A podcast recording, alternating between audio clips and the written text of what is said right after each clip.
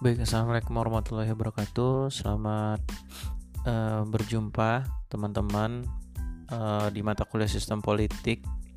Uh, sebelum masuk ke UTS, uh, saya harus masuk di pertemuan ke-8 untuk menyampaikan materi tentang uh, sistem politik uh, David Eston. Setelah uh, kemudian nanti teman-teman di pertemuan ke-9 baru akan UTS dengan Ibu Retno Silawati dan nanti di pertemuan ke-10 kita bertemu lagi dengan materi yang berikutnya. Oke, sebelumnya perkenalkan nama saya Hairunas uh, atau sering dipanggil dengan uh, sapaan Pak Han atau Kak Han.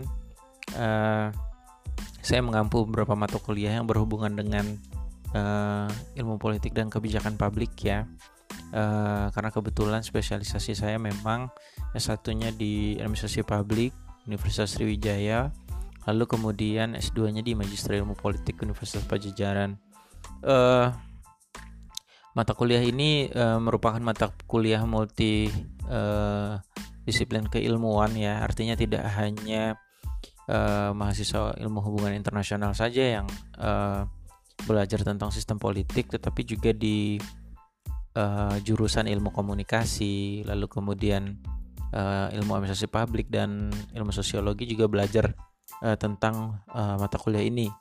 Uh, perbedaannya hanya uh, di jurusan ilmu hubungan internasional itu tidak diadakan materi pengantar uh, tentang ilmu politik. Sementara di tiga jurusan yang lain itu diawali dengan materi uh, di mata kuliah pengantar ilmu politik. Oke, tapi tidak akan menjadi sebuah persoalan karena uh, secara uh, runut rencana pembelajaran dari mata kuliah ini disusun mencoba menutupi kekurangan itu uh, dan nanti mungkin diselang-selingi di antara materi sistem itu akan berbicara soal hal-hal pokok yang menjadi dasar dari ilmu politik.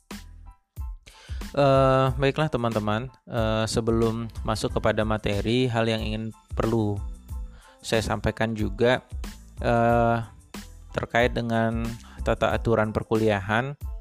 Yang pasti yang saya sangat anjurkan adalah bagaimana teman-teman memahami uh, dengan baik bagaimana penggunaan e-learning sebagai media pembelajaran. Karena ke depan uh, kemungkinan uh, perkuliahan kita banyak uh, via e-learning ya. Uh, karena memang yang diarahkan oleh universitas itu menggunakan e-learning. Uh, terkait video conference di e-learning yakni Big Blue Button saya belum akan gunakan karena mengalami sering mengalami banyak kendala. Ada yang teachernya susah login lalu kemudian mahasiswanya sudah login tapi tidak muncul uh, apa namanya visualnya yang muncul cuman audionya. Itu menjadi hal yang dipertimbangkan. Uh, pun kalau memang saya membutuhkan video conference nanti saya akan menggunakan Eh, media seperti uh, Zoom atau Google Meet.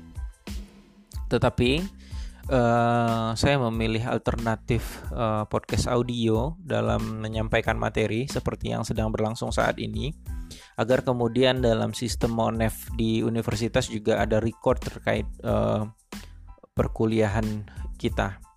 Uh, dan berikutnya itu jangan lupa kemudian mengisi absensi atau daftar hadir uh, sebelum perkuliahan dimulai tentu ada kesalahan yang sangat mendasar yang sering saya temukan adalah ketika ada pilihan di daftar hadir itu ada present, late, excuse, lalu kemudian uh, absent. Uh, banyak juga mahasiswa yang mengisi absen. Absen itu kan kalau dalam bahasa Inggris mungkin hubungan ilmu hubungan internasional lebih terbiasa yaitu bermakna tidak hadir. Tapi uh, tentu saya berharap tidak terjadi di jurusan ini bahwasanya uh, kita harus membedakan item-item daftar hadir itu ya. Berarti kalau kita hadir kita klik present. Nah terus uh, jangan ada lagi yang bermasalah akun e-learningnya. Silahkan selesaikan dari sekarang sehingga ketika perkuliahan berlangsung tidak ada hal-hal teknis seperti itu yang harus kita selesaikan. Uh, berikutnya ketika memang diberikan link podcast terkait materi biasanya uh, melampirkan PowerPoint seperti pertemuan hari ini silahkan di download PowerPointnya sekaligus mendengarkan podcast audio. Uh, dan nanti uh, ada forum diskusi yang disiapkan untuk teman-teman menulis kesimpulan dari materi dan uh, di podcast audionya saya juga uh, bisa melihat teman-teman uh, yang mendengarkan sampai akhir atau sebatas hanya membuka lalu kemudian menutup kembali tentu itu sesuatu hal yang tidak saya harapkan. Uh, terkait penugasan nanti ada tugas ya. Saya masih rencanakan itu akan di pertemuan keberapa. Yang pasti tugas itu sebenarnya ada tugas individu dan ada tugas kelompok. Cuman karena kondisinya seperti ini kita uh, agak rumit ya dalam pelaksanaannya dan mungkin nanti uh, di uh, tugas kelompok pun presentasi kelompok pun tidak bisa kita lakukan secara offline tapi mungkin bisa kita uh, buat dalam bentuk video YouTube yang menggambarkan presentasi materi dari masing-masing kelompok lalu kemudian kita share di e-learning dan ada forum diskusi di bawahnya. Mungkin itu ya yang bisa kita lakukan nanti tapi uh, nanti menunggu di pertemuan keberapa hal tersebut bisa kita lakukan. Uh, selanjutnya tentu komunikasi uh, saya berharap ketua kelas uh, responsif ya terkait uh, arahan baik itu perkuliahan maupun penugasan dan bisa berkomunikasi dengan baik dengan saya terutama sehari sebelum perkuliahan berlangsung gitu ya. Karena banyak sekali kelas yang diampu saya takut ada kelas yang lupa. Jadi uh, baiknya kita komunikasi uh, sebelum satu hari sebelum perkuliahan dimulai dan tentu saya berharap juga kepada teman-teman yang uh, berkomunikasi jika ada keperluan uh, terutama terkait izin saya ingin menyampaikan bahwasanya izin dan memberitahu itu dua hal yang berbeda. Jadi ketika teman-teman uh, menghubungi saya dan bilang tidak bisa hadir hari ini karena ada kegiatan A itu saya anggap memberitahu bukan izin ya uh, izin itu di, diikuti oleh kalimat tanya apakah saya boleh izin pada pertemuan uh, hari tersebut Pak? Nah itu baru izin nah, karena membutuhkan kemudian jawaban dari saya. Jadi ketika sebatas pemberitahuan ya bisa saja saya tidak akan balas ya. Uh, itu mungkin terkait aturan uh, bagi saya etika menjadi sesuatu hal yang paling penting ya sopan santunnya menjadi sesuatu hal yang paling penting. Itu lebih penting daripada uh, penguasaan materi kuliah karena menurut saya yang namanya materi itu bisa dipelajari. Makanya saya selalu bilang bahwasanya etika dan sopan santun itu sesuatu hal yang lebih mahal ya. Uh, selanjutnya saya pikir itu terkait dengan aturan pembelajaran nanti mungkin kita akan sampai di pertemuan ke-13 atau pertemuan ke-14 setelah e, berikutnya nanti akan diteruskan oleh Pak Raniasa ya di beberapa pertemuan terakhir karena ada tiga dosen pengampu mata kuliah ini. Oke, e, hari ini materi kita tentang sistem politiknya David Aston. Oke, e, sebelum masuk ke sana kita sedikit review e, uh, terkait tentang pengertian sistem, lalu kemudian politik dan sistem politik itu sendiri.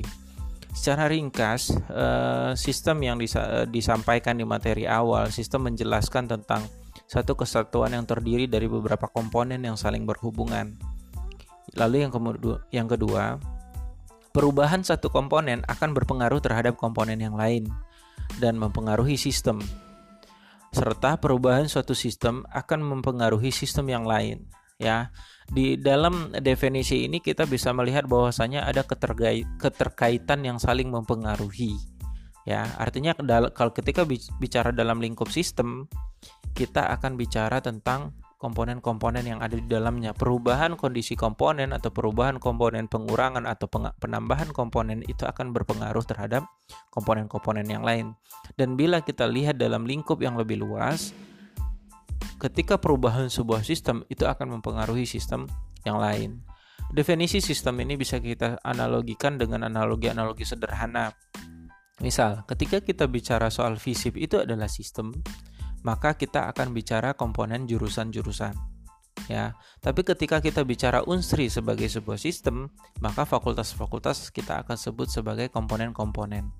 Ya, jadi kita bicara sistem itu tidak e, menjadi sesuatu hal yang sifatnya ketika FISIP sebagai sistem lalu kemudian ketika unsri disebut sebagai sistem dia dianggap dua hal yang berbeda tidak ya jadi kita bicara berdasarkan lingkupnya. Ketika FISIP di, dianggap sebagai sebuah sistem, maka jurusan-jurusan adalah kom, komponen-komponennya. Tetapi ketika kita bicara unsri sebagai sebuah sistem, maka fakultas-fakultaslah yang menjadi komponennya.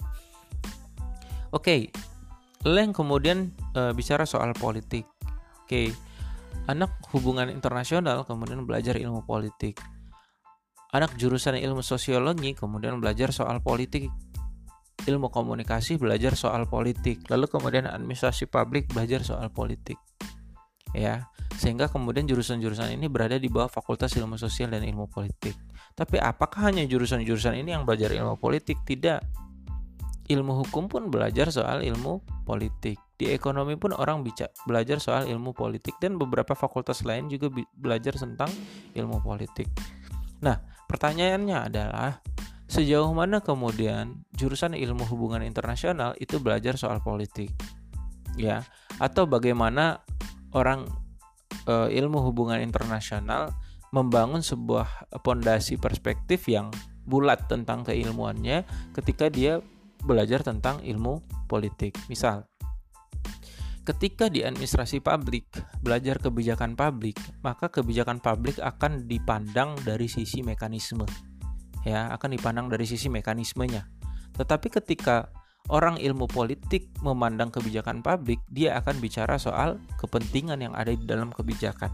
Artinya, fokus pembahasannya sama, kebijakan publik, tapi perspektif dia, uh, posisi dia bicara itu di posisi yang berbeda sehingga kemudian melahirkan sebuah definisi yang berbeda. Ya. Nah, dalam ilmu politik uh, ilmu hubungan internasional itu dibahasakan lebih sederhana dengan politik internasional. Ya. E, terkait perubahannya teman-teman bisa baca nanti bagaimana asal mula lahirnya jurusan ini. Tapi bagi saya orang ilmu politik saya melihat ilmu hubungan internasional adalah salah satu fokus kajian keilmuan saya yang berhubungan dengan politik internasional. Oke. Apa kesamaannya? Uh, saya melihat misalnya di ilmu politik dia membahas tentang pendekatan dalam ilmu politik atau ideologi-ideologi politik.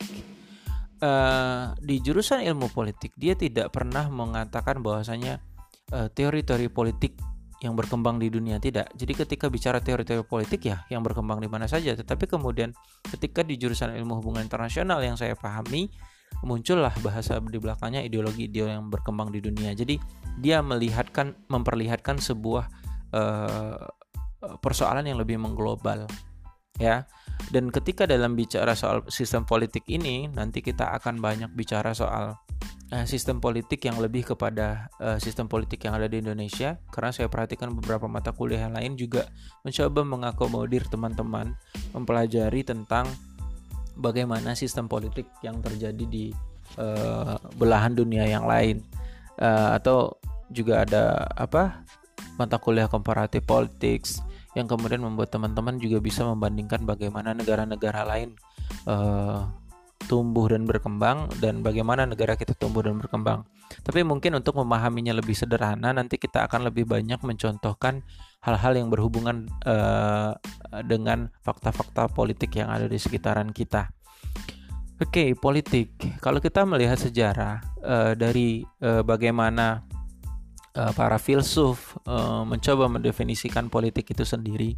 Kalau kita melihat dasar pemikirannya ketika bicara soal negara dan demokrasi, uh, kita mengenal seorang filsuf yang bernama Socrates walaupun tidak terlalu terkenal, namanya banyak sekali muncul dalam tulisan-tulisan Plato yang kemudian diketahui ternyata Socrates merupakan guru dari Plato uh, filsuf lain yang kemudian juga terkenal di era itu ada yang namanya Aristoteles dan dia kemudian secara gamblang mencoba mendefinisikan bahwasanya politik itu adalah segala tindakan yang dilakukan atau dibicarakan yang berkaitan dengan hal-hal yang berhubungan dengan negara.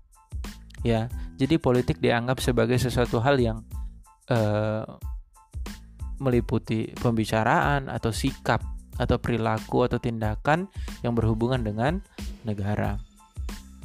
Makanya kemudian di di zaman Yunani kuno kita me, me bisa membaca sebuah sejarah yang di dalamnya ada istilah perbudakan. Tapi ketika kita baca lebih jauh, perbudakan yang ada di Yunani kuno itu sangat berbeda dengan perbudakan yang terjadi di Timur Tengah.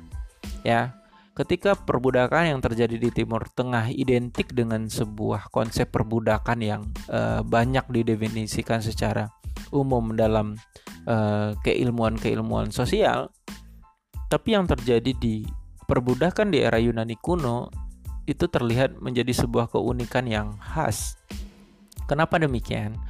Uh, perbudakan yang terjadi di zaman Yunani kuno uh, itu murni karena warga negara itu memiliki tugas pokok mengurus negara. Jadi misalnya ketika Anda adalah uh, seorang warga negara, ketika negara memanggil Anda kapan pun untuk kemudian rapat dan bicara soal negara, Anda harus meninggalkan semua pekerjaan yang Anda punya. Nah, lalu kemudian Apakah kemudian tidak menjadi masalah ketika warga negara harus mengurus negara? Ya, harus memprioritaskan negara sebagai tugas utama mereka. Bagaimana pekerjaan mereka? Di sanalah budak mengambil alih. Ya, itulah kenapa kemudian dulu satu rumah keluarganya uh, anggota keluarga tiga tapi budaknya tujuh. Ya, karena budak diposisikan bukan sebagai uh, pesuruh yang yang yang murni dalam konsep perbudakan uh, global pada umumnya, tetapi uh, budak di, dipertugaskan untuk kemudian me, me, membackup pekerjaan seorang tuannya ketika tuannya harus mengurus negara. Itulah kenapa kemudian kita tidak pernah mendengar uh, sejarah pemberontakan budak di era zaman Yunani kuno karena mereka juga menyadari bahwa apa yang tuan mereka lakukan itu juga memikirkan hal-hal yang berhubungan dengan kesejahteraan negara. Oke, okay, uh, eh, dan dalam perkembangannya kita mengenal eh, tokoh-tokoh seperti Thomas Aquinas ya. Lalu kemudian kita masuk di era uh, Machiavelli yang bicara bahwasanya politik adalah proses merebut, mempertahankan dan memperluas kekuasaan yang kemudian sampai hari ini uh, dalam prakteknya seperti seolah-olah kita kehilangan definisi yang disampaikan oleh Aristoteles tapi kita justru melihat uh, definisi politik yang disampaikan oleh Machiavelli. Dan pada praktiknya kita melihat demikian dengan banyak sekali fakta-fakta politik yang muncul hari ini ketika Machiavelli bilang e, politik adalah sesuatu hal yang berhubungan dengan merebut lalu kemudian mempertahankan dan memperluas kekuasaan kita e, bisa e, saksikan secara langsung e, fakta politik tersebut e, di dalam kondisi demokrasi hari ini ya. Uh, munculnya uh, konsep politik dinasti, praktik-praktik politik dinasti, lalu kemudian uh, nepotisme yang tidak kunjung hilang ya walaupun negara sudah memasuki fase reformasi. Dan dan dan ini menjadi sesuatu hal yang uh, menyerempet kepada patologi-patologi uh, sosial lain atau penyakit-penyakit sosial lain atau bahkan penyimpangan-penyimpangan sosial yang lain praktik money politik dan lain sebagainya macamnya itu kemudian menjadi hal yang memperkuat asumsi kita bahwa hari ini definisi politik yang uh, terus berkembang di tengah-tengah masyarakat itu lebih mendekati definisi yang disampaikan oleh Machiavelli. Oke, okay, dalam tahapan berikutnya, uh, kemudian uh, para filsuf bicara soal uh, negara. Uh, kita pernah dengar nama uh, Thomas Hobbes. Dia adalah seorang uh, apa namanya? Uh, yang kemudian mencoba mendefinisikan apa itu negara dan bagaimana negara harus bersikap. Uh, melalui sebuah karyanya yang berjudul uh, Leviathan atau uh, yang kalau kita lihat covernya sudah ada terjemahannya itu covernya itu bergambar monster ya dia uh, bilang bahwasanya negara itu kemudian uh, harus menjadi monster yang menakutkan bagi warga negara sehingga warga negara bisa diatur. Uh, sebenarnya ketika kita membawa definisi ini ke dalam sebuah istilah kekuasaan, tentu kita yang kita lihat adalah sebuah hal yang sangat otoriter. Tapi kalau kita melihat bagaimana uh, konsep ini lahir dari seorang Thomas Hobbes, dia melihat uh, ketika era dia hidup waktu itu merupakan kondisi di mana orang-orang berperang saling bunuh satu sama lain dia kemudian menganggap tidak ada yang bisa mengatur uh, sekelompok orang atau orang secara individu selain uh, sesuatu hal yang menakutkan. Bagaimana orang kemudian uh, menyelenggarakan haknya, lalu, uh, memperoleh haknya, tapi lalu kemudian juga me menyelenggarakan kewajibannya. Nah, dalam definisi ini, Hobbes juga berangkat dalam sebuah analogi yang dia bilang bahwasanya uh, manusia itu pada dasarnya adalah serigala yang siap menerkam manusia-manusia lainnya.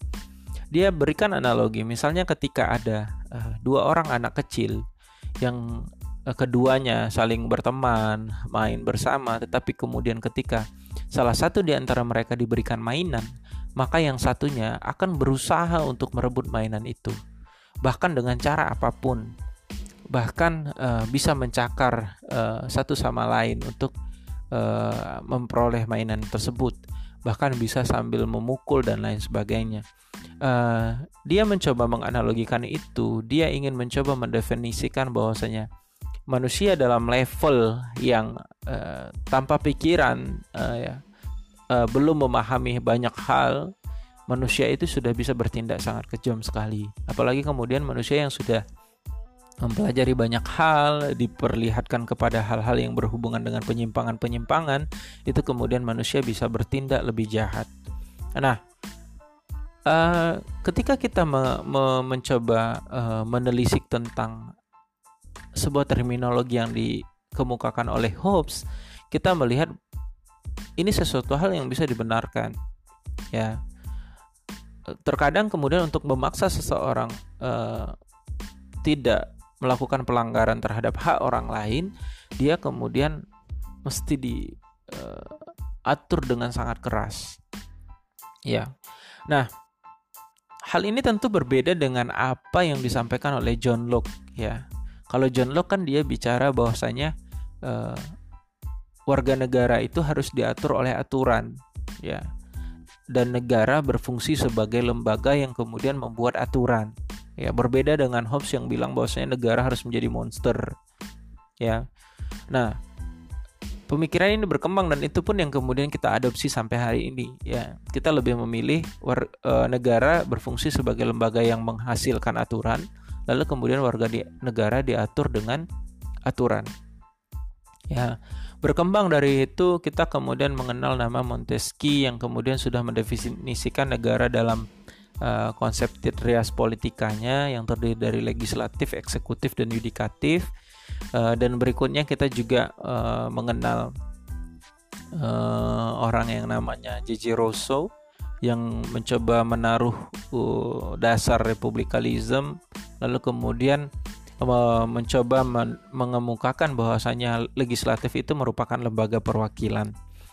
Uh, dan demokrasi uh, negara, bagaimana politik didefinisikan, uh, kita anggap sebagai sebuah contoh juga itu kita senantiasa merujuk kepada sebuah negara uh, yang bernama Amerika Serikat yang dianggap sebagai negara demokrasi pertama, uh, sebagai negara demokrasi yang berkembang di era uh, modern, ya, yang yang kemudian uh, melalui tokoh-tokohnya kita juga memahami banyak sekali definisi yang berhubungan dengan demokrasi dan lain sebagainya macamnya seperti yang disampaikan oleh Abraham Lincoln tentang demokrasi adalah sesuatu yang oleh rakyat dari rakyat dan untuk rakyat yang uh, juga kemudian menjadi dasar negara itu berdiri. Walaupun dalam praktiknya kita mengalami perbedaan yang cukup signifikan. Uh, meskipun menganut uh, konsep demokrasi yang sama ya. Uh, konsep demokrasi ya. Artinya uh, ini menjadi hal yang perlu kemudian kita perhatikan. Hal sederhana yang bisa kita lihat adalah secara kewenangan negara berbentuk uh, di Amerika berbentuk federal tapi kemudian kita negara kesatuan. Uh, di sana ada negara bagian di kita kemudian dibagi uh, dengan provinsi. Uh, dan ini menjadi sesuatu hal yang uh, juga tidak berlaku tunggal. Misalnya saja pada pemilihan umum walaupun di Amerika Serikat warga negara kemudian juga memilih uh, apa memilih presiden secara langsung tapi kemudian uh, suara rakyat bukan suara yang menentukan itu karena kemudian uh, hasil pemilihan itu juga kemudian harus diputuskan oleh senat. Nah, ini ini yang menjadi sesuatu hal yang perlu kita perhatikan apalagi teman-teman merupakan uh, mahasiswa jurusan Ilmu Hubungan Internasional. Oke. Okay. Uh, eh, saya pikir terkait politik dan sejarahnya mungkin teman-teman nanti bisa uh, baca di literatur-literatur yang lain karena mungkin akan sangat sulit ya kita membahasnya secara komprehensif. Uh, tapi perlu saya sampaikan mengingat tadi uh, seperti yang di awal kita bahas bahwasanya uh, di ilmu hubungan internasional tidak ada kemudian mata kuliah yang menjadi pengantar dari pembelajaran tentang politik. Oke, okay, uh, itu tadi kita bicara banyak tentang sistem, lalu kemudian kita bicara banyak juga soal politik. Uh, berikutnya adalah sistem politik ya. Sistem politik adalah rangkaian aktivitas politik dan segala pengaruh yang ada di dalamnya, serta menentukan siapa mendapat apa, bagaimana, dan seperti apa dampaknya. Ya, tadi kalau kita bicara sistem adalah suatu kesatuan yang terdiri dari komponen, sekarang kita bicara sistem politik dan dia uh, fokus kepada rangkaian aktivitas politik dan segala pengaruh yang ada di dalamnya. Ya. Sistem politik memiliki empat variabel, yaitu kekuasaan, kepentingan, kebijakan, dan budaya politik. Ya, ini hal yang akan sangat uh, banyak kita bicarakan ke depan ketika kita membahas tentang uh, sistem politik ya. Ada kekuasaan di dalamnya ada kepentingan di dalamnya ada kebijakan di dalamnya dan ada budaya politik. Ya kalau kita baca buku dasar-dasar ilmu politiknya Miriam Budiarjo Miriam Budiarjo juga banyak bicara soal kekuasaan. Dia bicara soal kepentingan dia bicara soal kebijakan dan dia bicara soal budaya politik ya. Uh, ketika kita lihat tentang uh, bagaimana sistem ini uh, bekerja, tentu kita perlu mendefinisikan dengan lebih rinci apa yang dimaksud dengan kekuasaan, bagaimana kepentingan itu uh, saling berhubungan, lalu kemudian bagaimana kebijakan dibuat dan apa kepentingan yang ada di dalamnya serta bagaimana budaya politik masyarakat ya. Budaya politik ini sebenarnya lebih kepada ini ya kalau kalau Almond itu membaginya budaya politik itu meliputi budaya politik parokial yang sangat pasif ya masyarakat pasif sekali terhadap negara bodoh amat lah mungkin uh, beberapa di antara kita pernah menemukan ya di masyarakat kita ketika bicara politik dia langsung menghindar langsung kemudian merasa ah ini sesuatu hal yang tidak penting untuk dibicarakan dan lain sebagainya macamnya. Tapi kemudian itu sesuatu hal yang juga tidak bisa kita salahkan gitu ya. Kalau kita lihat sejarah kita uh, pasca 1965 sampai reformasi pembicaraan soal politik ini adalah pembicaraan yang uh, tidak tidak tidak banyak orang yang mau uh, terlibat ya. Karena kita uh, membaca dengan jelas bahwasanya ada semacam uh, budaya otoriter yang berkembang di kekuasaan sehingga kemudian membuat orang-orang takut bicara soal politik dan mungkin uh, di antara hal-hal yang kita temui saat ini itu juga menjadi sesuatu yang yang yang masih janggal dan mungkin bahkan ada uh, mahasiswa hubungan internasional yang juga anti dengan politik ya. Nah, tapi uh, ini tentu menjadi sesuatu hal yang tidak bisa dibenarkan mengingat uh, kita menganut paham demokrasi yang demokrasi itu kemudian membutuhkan partisipasi publik ya, partisipasi politik yang tinggi. Negara demokrasi baru kemudian dikatakan berhasil ketika tingkat partisipasi politiknya tinggi. Ya, ketika partisipasi politiknya rendah, negara demokrasi belum bisa dikatakan sebagai negara demokrasi yang berhasil. Nah, budaya politik tadi ada budaya politik parokial yang warga negaranya pasif sekali, lalu kemudian ada budaya politik kaula, ya sudah cukup aktif, lalu kemudian uh, tapi masih banyak juga yang pasif ya. Mungkin kalau hari ini kita lihat Indonesia uh, mungkin bisa lah ya kita bilang bahwasanya Indonesia ini berada di level uh, budaya politik kaula ya. Uh, tapi kemudian ada yang lebih ini partisipan. Ya budaya politik partisipan di mana uh, warga negara itu aktif uh, partisipasinya terhadap negara nah itu ini itu tentu menjadi sesuatu hal yang menjadi cita-cita demokrasi oke okay. Uh, sebelum masuk kepada sistem politik menurut David Eston, perlu saya ulang tentang uh, infrastruktur dan suprastruktur politik ya infrastruktur politik itu terdiri dari partai politik kelompok kepentingan kelompok penekan media komunikasi politik jurnalis kelompok mahasiswa dan figur politik.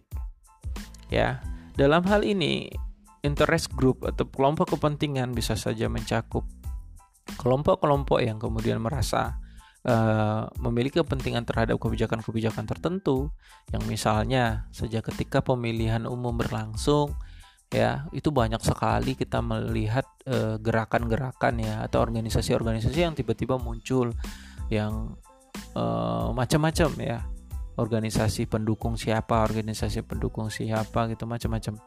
Yang yang itu kemudian uh, menjadi warna tersendiri dalam demokrasi kita. Ada pressure group ya kelompok penekan macam-macam ya terkait kebijakan yang tidak sesuai dengan kepentingan mereka. Mereka datang lalu kemudian e, menekan juga banyak sekali. Lalu kemudian media komunikasi politik itu menjadi infrastruktur politik juga. Hari ini media komunikasi politik tidak sebatas tentang bagaimana televisi bicara lalu bagaimana kemudian eh, panggung-panggung uh, mimbar-mimbar bebas bicara, tetapi juga hari ini hampir setiap hari orang uh, disuguhkan tentang berita, berita politik uh, dalam bentuk komentar, lalu kemudian uh, dalam bentuk postingan-postingan uh, uh, berita yang kemudian kalau kita lihat di akun-akun media sosial itu banyak sekali komentar-komentar atau diskusi-diskusi politik yang berlangsung.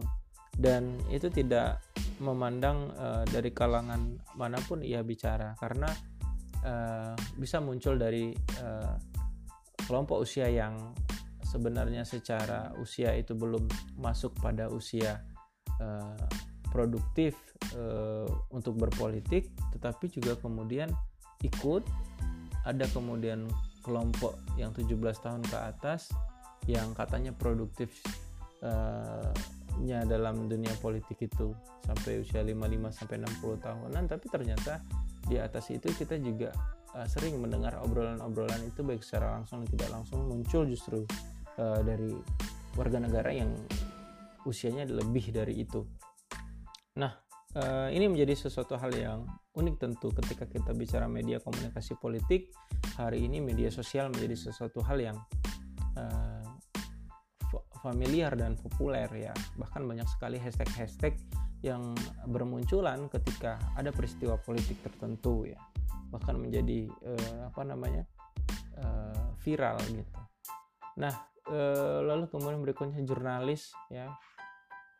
Ini bagi teman-teman yang uh, hobi mengamati dunia jurnalistik tentu uh, jurnalis menjadi uh, salah satu infrastruktur politik juga. Bagaimana mereka memberitakan bagaimana independensinya itu sesuatu hal yang uh, menarik untuk uh, kita amati. Lalu kemudian student group ya. Itu teman-teman sendiri ya teman-teman mahasiswa terutama ya. Kalau kita baca sejarahnya hampir uh, semua sejarah itu mengaitkan pemuda dan mahasiswa di dalamnya dari sejak kemerdekaan. Budi Utomo Sumpah Pemuda Rengas Dengklo ya. Uh, runtuhnya orde lama munculnya orde baru peristiwa malari ya. Uh, sampai reformasi yang terlibat itu rata-rata pemuda dan mahasiswa ya. Jadi student group ini menjadi salah satu hal yang sebenarnya menjadi harapan besar negara menjadi civil society civil society uh, maksudnya adalah bagaimana dia kemudian muncul sebagai penyeimbang demokrasi ya uh, ketika pemerintah mengeluarkan kebijakan tertentu, dia kemudian mengawasi ketika ada hal yang tidak sesuai, kemudian dia bicara, baik bicara uh, melalui media massa atau kemudian melakukan audiensi, tentu dengan cara-cara intelektual yang benar sebenarnya dibolehkan oleh undang-undang.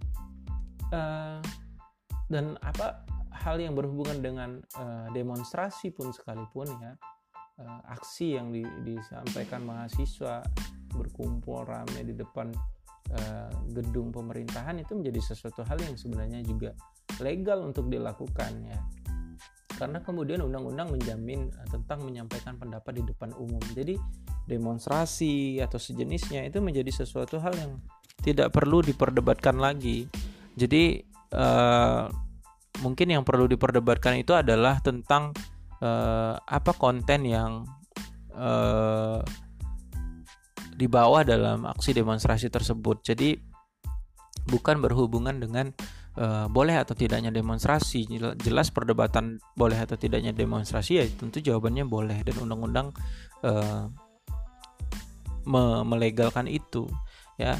Uh, tetapi kemudian uh, muncul banyak sekali argumentasi bahkan akhir-akhir ini kita uh, menerima surat uh, perintah dari negara untuk kemudian tidak tidak ikut berdemonstrasi dan sebagainya ini tentu menjadi sesuatu hal yang perlu kita perdebatkan ketika kita masih sama-sama uh, menggunakan uh, undang-undang dasar sebagai uh, haluan negara ya sebagai dasar penyelenggaraan negara. Nah, ini perlu saya bahas sangat panjang karena uh, saya melihat uh, sebuah terjadi sebuah penurunan yang cukup signifikan uh, dari kelompok uh, pelajar dan mahasiswa dalam menyikapi hal-hal yang berhubungan dengan isu-isu uh, uh, politik negara. Ya karena ketika memang civil society atau penyeimbang dalam demokrasi itu uh, performanya tidak bagus dia akan kemudian menghasilkan sebuah situasi di mana negara bisa bertindak otoriter. Ya penyimpangan-penyimpangan kekuasaan akan berlangsung dengan lebih ekstrim.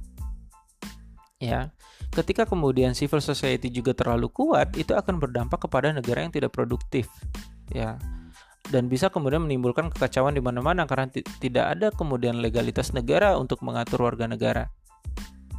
Ya jadi sebenarnya yang diinginkan adalah posisi yang seimbang bagaimana pemerintah berkuasa dengan baik menghasilkan produk-produk kebijakan yang uh, menguntungkan kepentingan publik lalu kemudian diawasi oleh civil society dan negara kita Indonesia itu identik dengan uh, civil society di kelompok student group. Ya. Uh, lalu kemudian kita masuk di suprastruktur ya dia terdiri dari legislatif, eksekutif dan yudikatif. Jadi kita saya tidak perlu jelaskan lagi karena ini berhubungan dengan uh, lembaga-lembaga negara, pembagian kekua pemisahan kekuasaan di negara yang tentu tidak asing lagi untuk kita dan bahkan mungkin sudah terlibat secara langsung dalam pemilihan uh, uh, apa namanya uh, anggota legislatif, kepala daerah dan lain sebagainya. Uh, Oke, okay.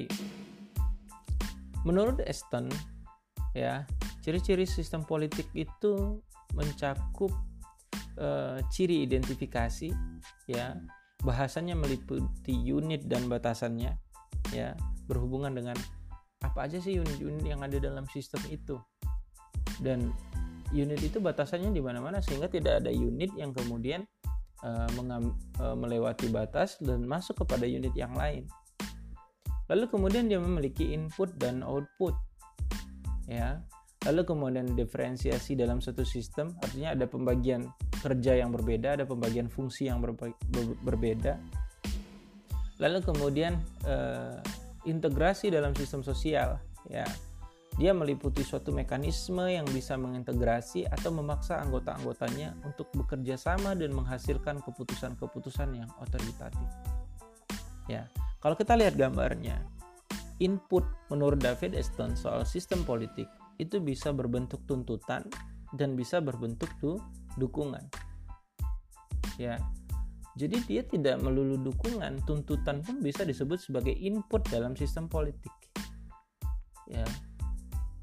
Artinya tidak tidak tidak serta-merta tuntutan itu berkonotasi negatif, tidak. Ya, dalam konteks sistem politik, tuntutan menjadi sesuatu hal yang berkonotasi positif karena dia kemudian menjadi bahan baku sebuah sistem politik bisa bekerja. Ya lalu kemudian outputnya dia kemudian menghasilkan keputusan atau tindakan tertentu yang uh, dipengaruhi juga oleh lingkungan ya dari sejak input tadi prosesnya outputnya itu sangat dipengaruhi oleh kondisi lingkungan dan kemudian dia berlangsung uh, terus menerus ya. Dan kemudian outputnya kemudian menghasilkan uh, tuntutan atau dukungan yang lain lalu kemudian muncul lagi sebuah proses dalam sebuah sistem ada keputusan yang lain kemudian menutup dan seterusnya ya. Nah kalau kita lihat intinya sistem politik menurut David Eston ini dia terdiri dari tiga terminologi. Yang pertama berhubungan dengan uh, alokasi nilai ya lalu kemudian alokasi nilai itu bersifat memaksa lalu kemudian mengikat masyarakat. Ya. Nah jadi uh, secara sederhananya David Aston uh, mencoba menjelaskan ciri-ciri lalu kemudian terjemahkan dalam sebuah bentuk bagan dan kemudian dia juga menjelaskan uh, tiga terminologi. Ya. Ini ini menjadi pokok dari pembelajaran kita di pertemuan ini. Dan saya berharap uh, teman-teman uh, memiliki buku pegangan soal ini. Karena saya tidak akan banyak uh, menjelaskan secara detail karena repot ya via via online ini sangat repot sekali. Uh, nanti uh, silahkan teman-teman baca lagi uh, pertemuan ini. Sebatas membantu teman-teman untuk mencari tahu tentang materi ini. Jadi pasca podcast ini selesai silahkan teman-teman mencoba uh, mencari dalam bentuk jurnal dan sejenisnya mencari tahu tentang bagaimana sistem politik menurut David Aston. Lalu kemudian uh, silahkan nanti komen di forum diskusi yang sudah disediakan di laman e-learning kita ini. Dan nanti teman-teman bisa membuat kesimpulan di sana ya baik dari apa yang teman-teman dengar maupun eh, sumber-sumber uh, yang teman-teman baca. Dan batas forum diskusi itu berbatas waktu. Saya tidak ingin lagi mendengar uh, atau kemudian menerima uh, chat yang menyampaikan bahwasanya Pak saya tadi terlambat. Saya kira forum diskusinya bisa aktif sampai hari ini uh, sampai nanti malam. Tidak ya. Semua berlangsung ketika uh, jam perkuliahan berlangsung. Jadi forum diskusi itu akan ditutup ketika uh, apa namanya jam perkuliahan habis. Dan mohon maaf teman-teman uh, tentu feedback semacam ini saya butuhkan untuk memberikan penilaian uh, tugas secara personal uh, kepada teman-teman. Uh, mengingat kita tidak bertemu secara langsung jadi saya akan lihat keaktifannya dari bagaimana teman-teman merespon materi-materi perkuliahan yang diberikan. Mungkin itu saja. Terima kasih banyak. Mudah-mudahan yang sedikit ini bisa bermanfaat dan menjadi uh, acuan teman-teman untuk mencari sumber-sumber yang lebih uh, banyak lagi dan uh, selamat membaca, selamat belajar dan mudah-mudahan nanti bisa memberikan kesimpulan yang terbaik dari uh, materi ini. Saya tutup. Wabillahi taufiq wa hidayah. Assalamualaikum warahmatullahi wabarakatuh.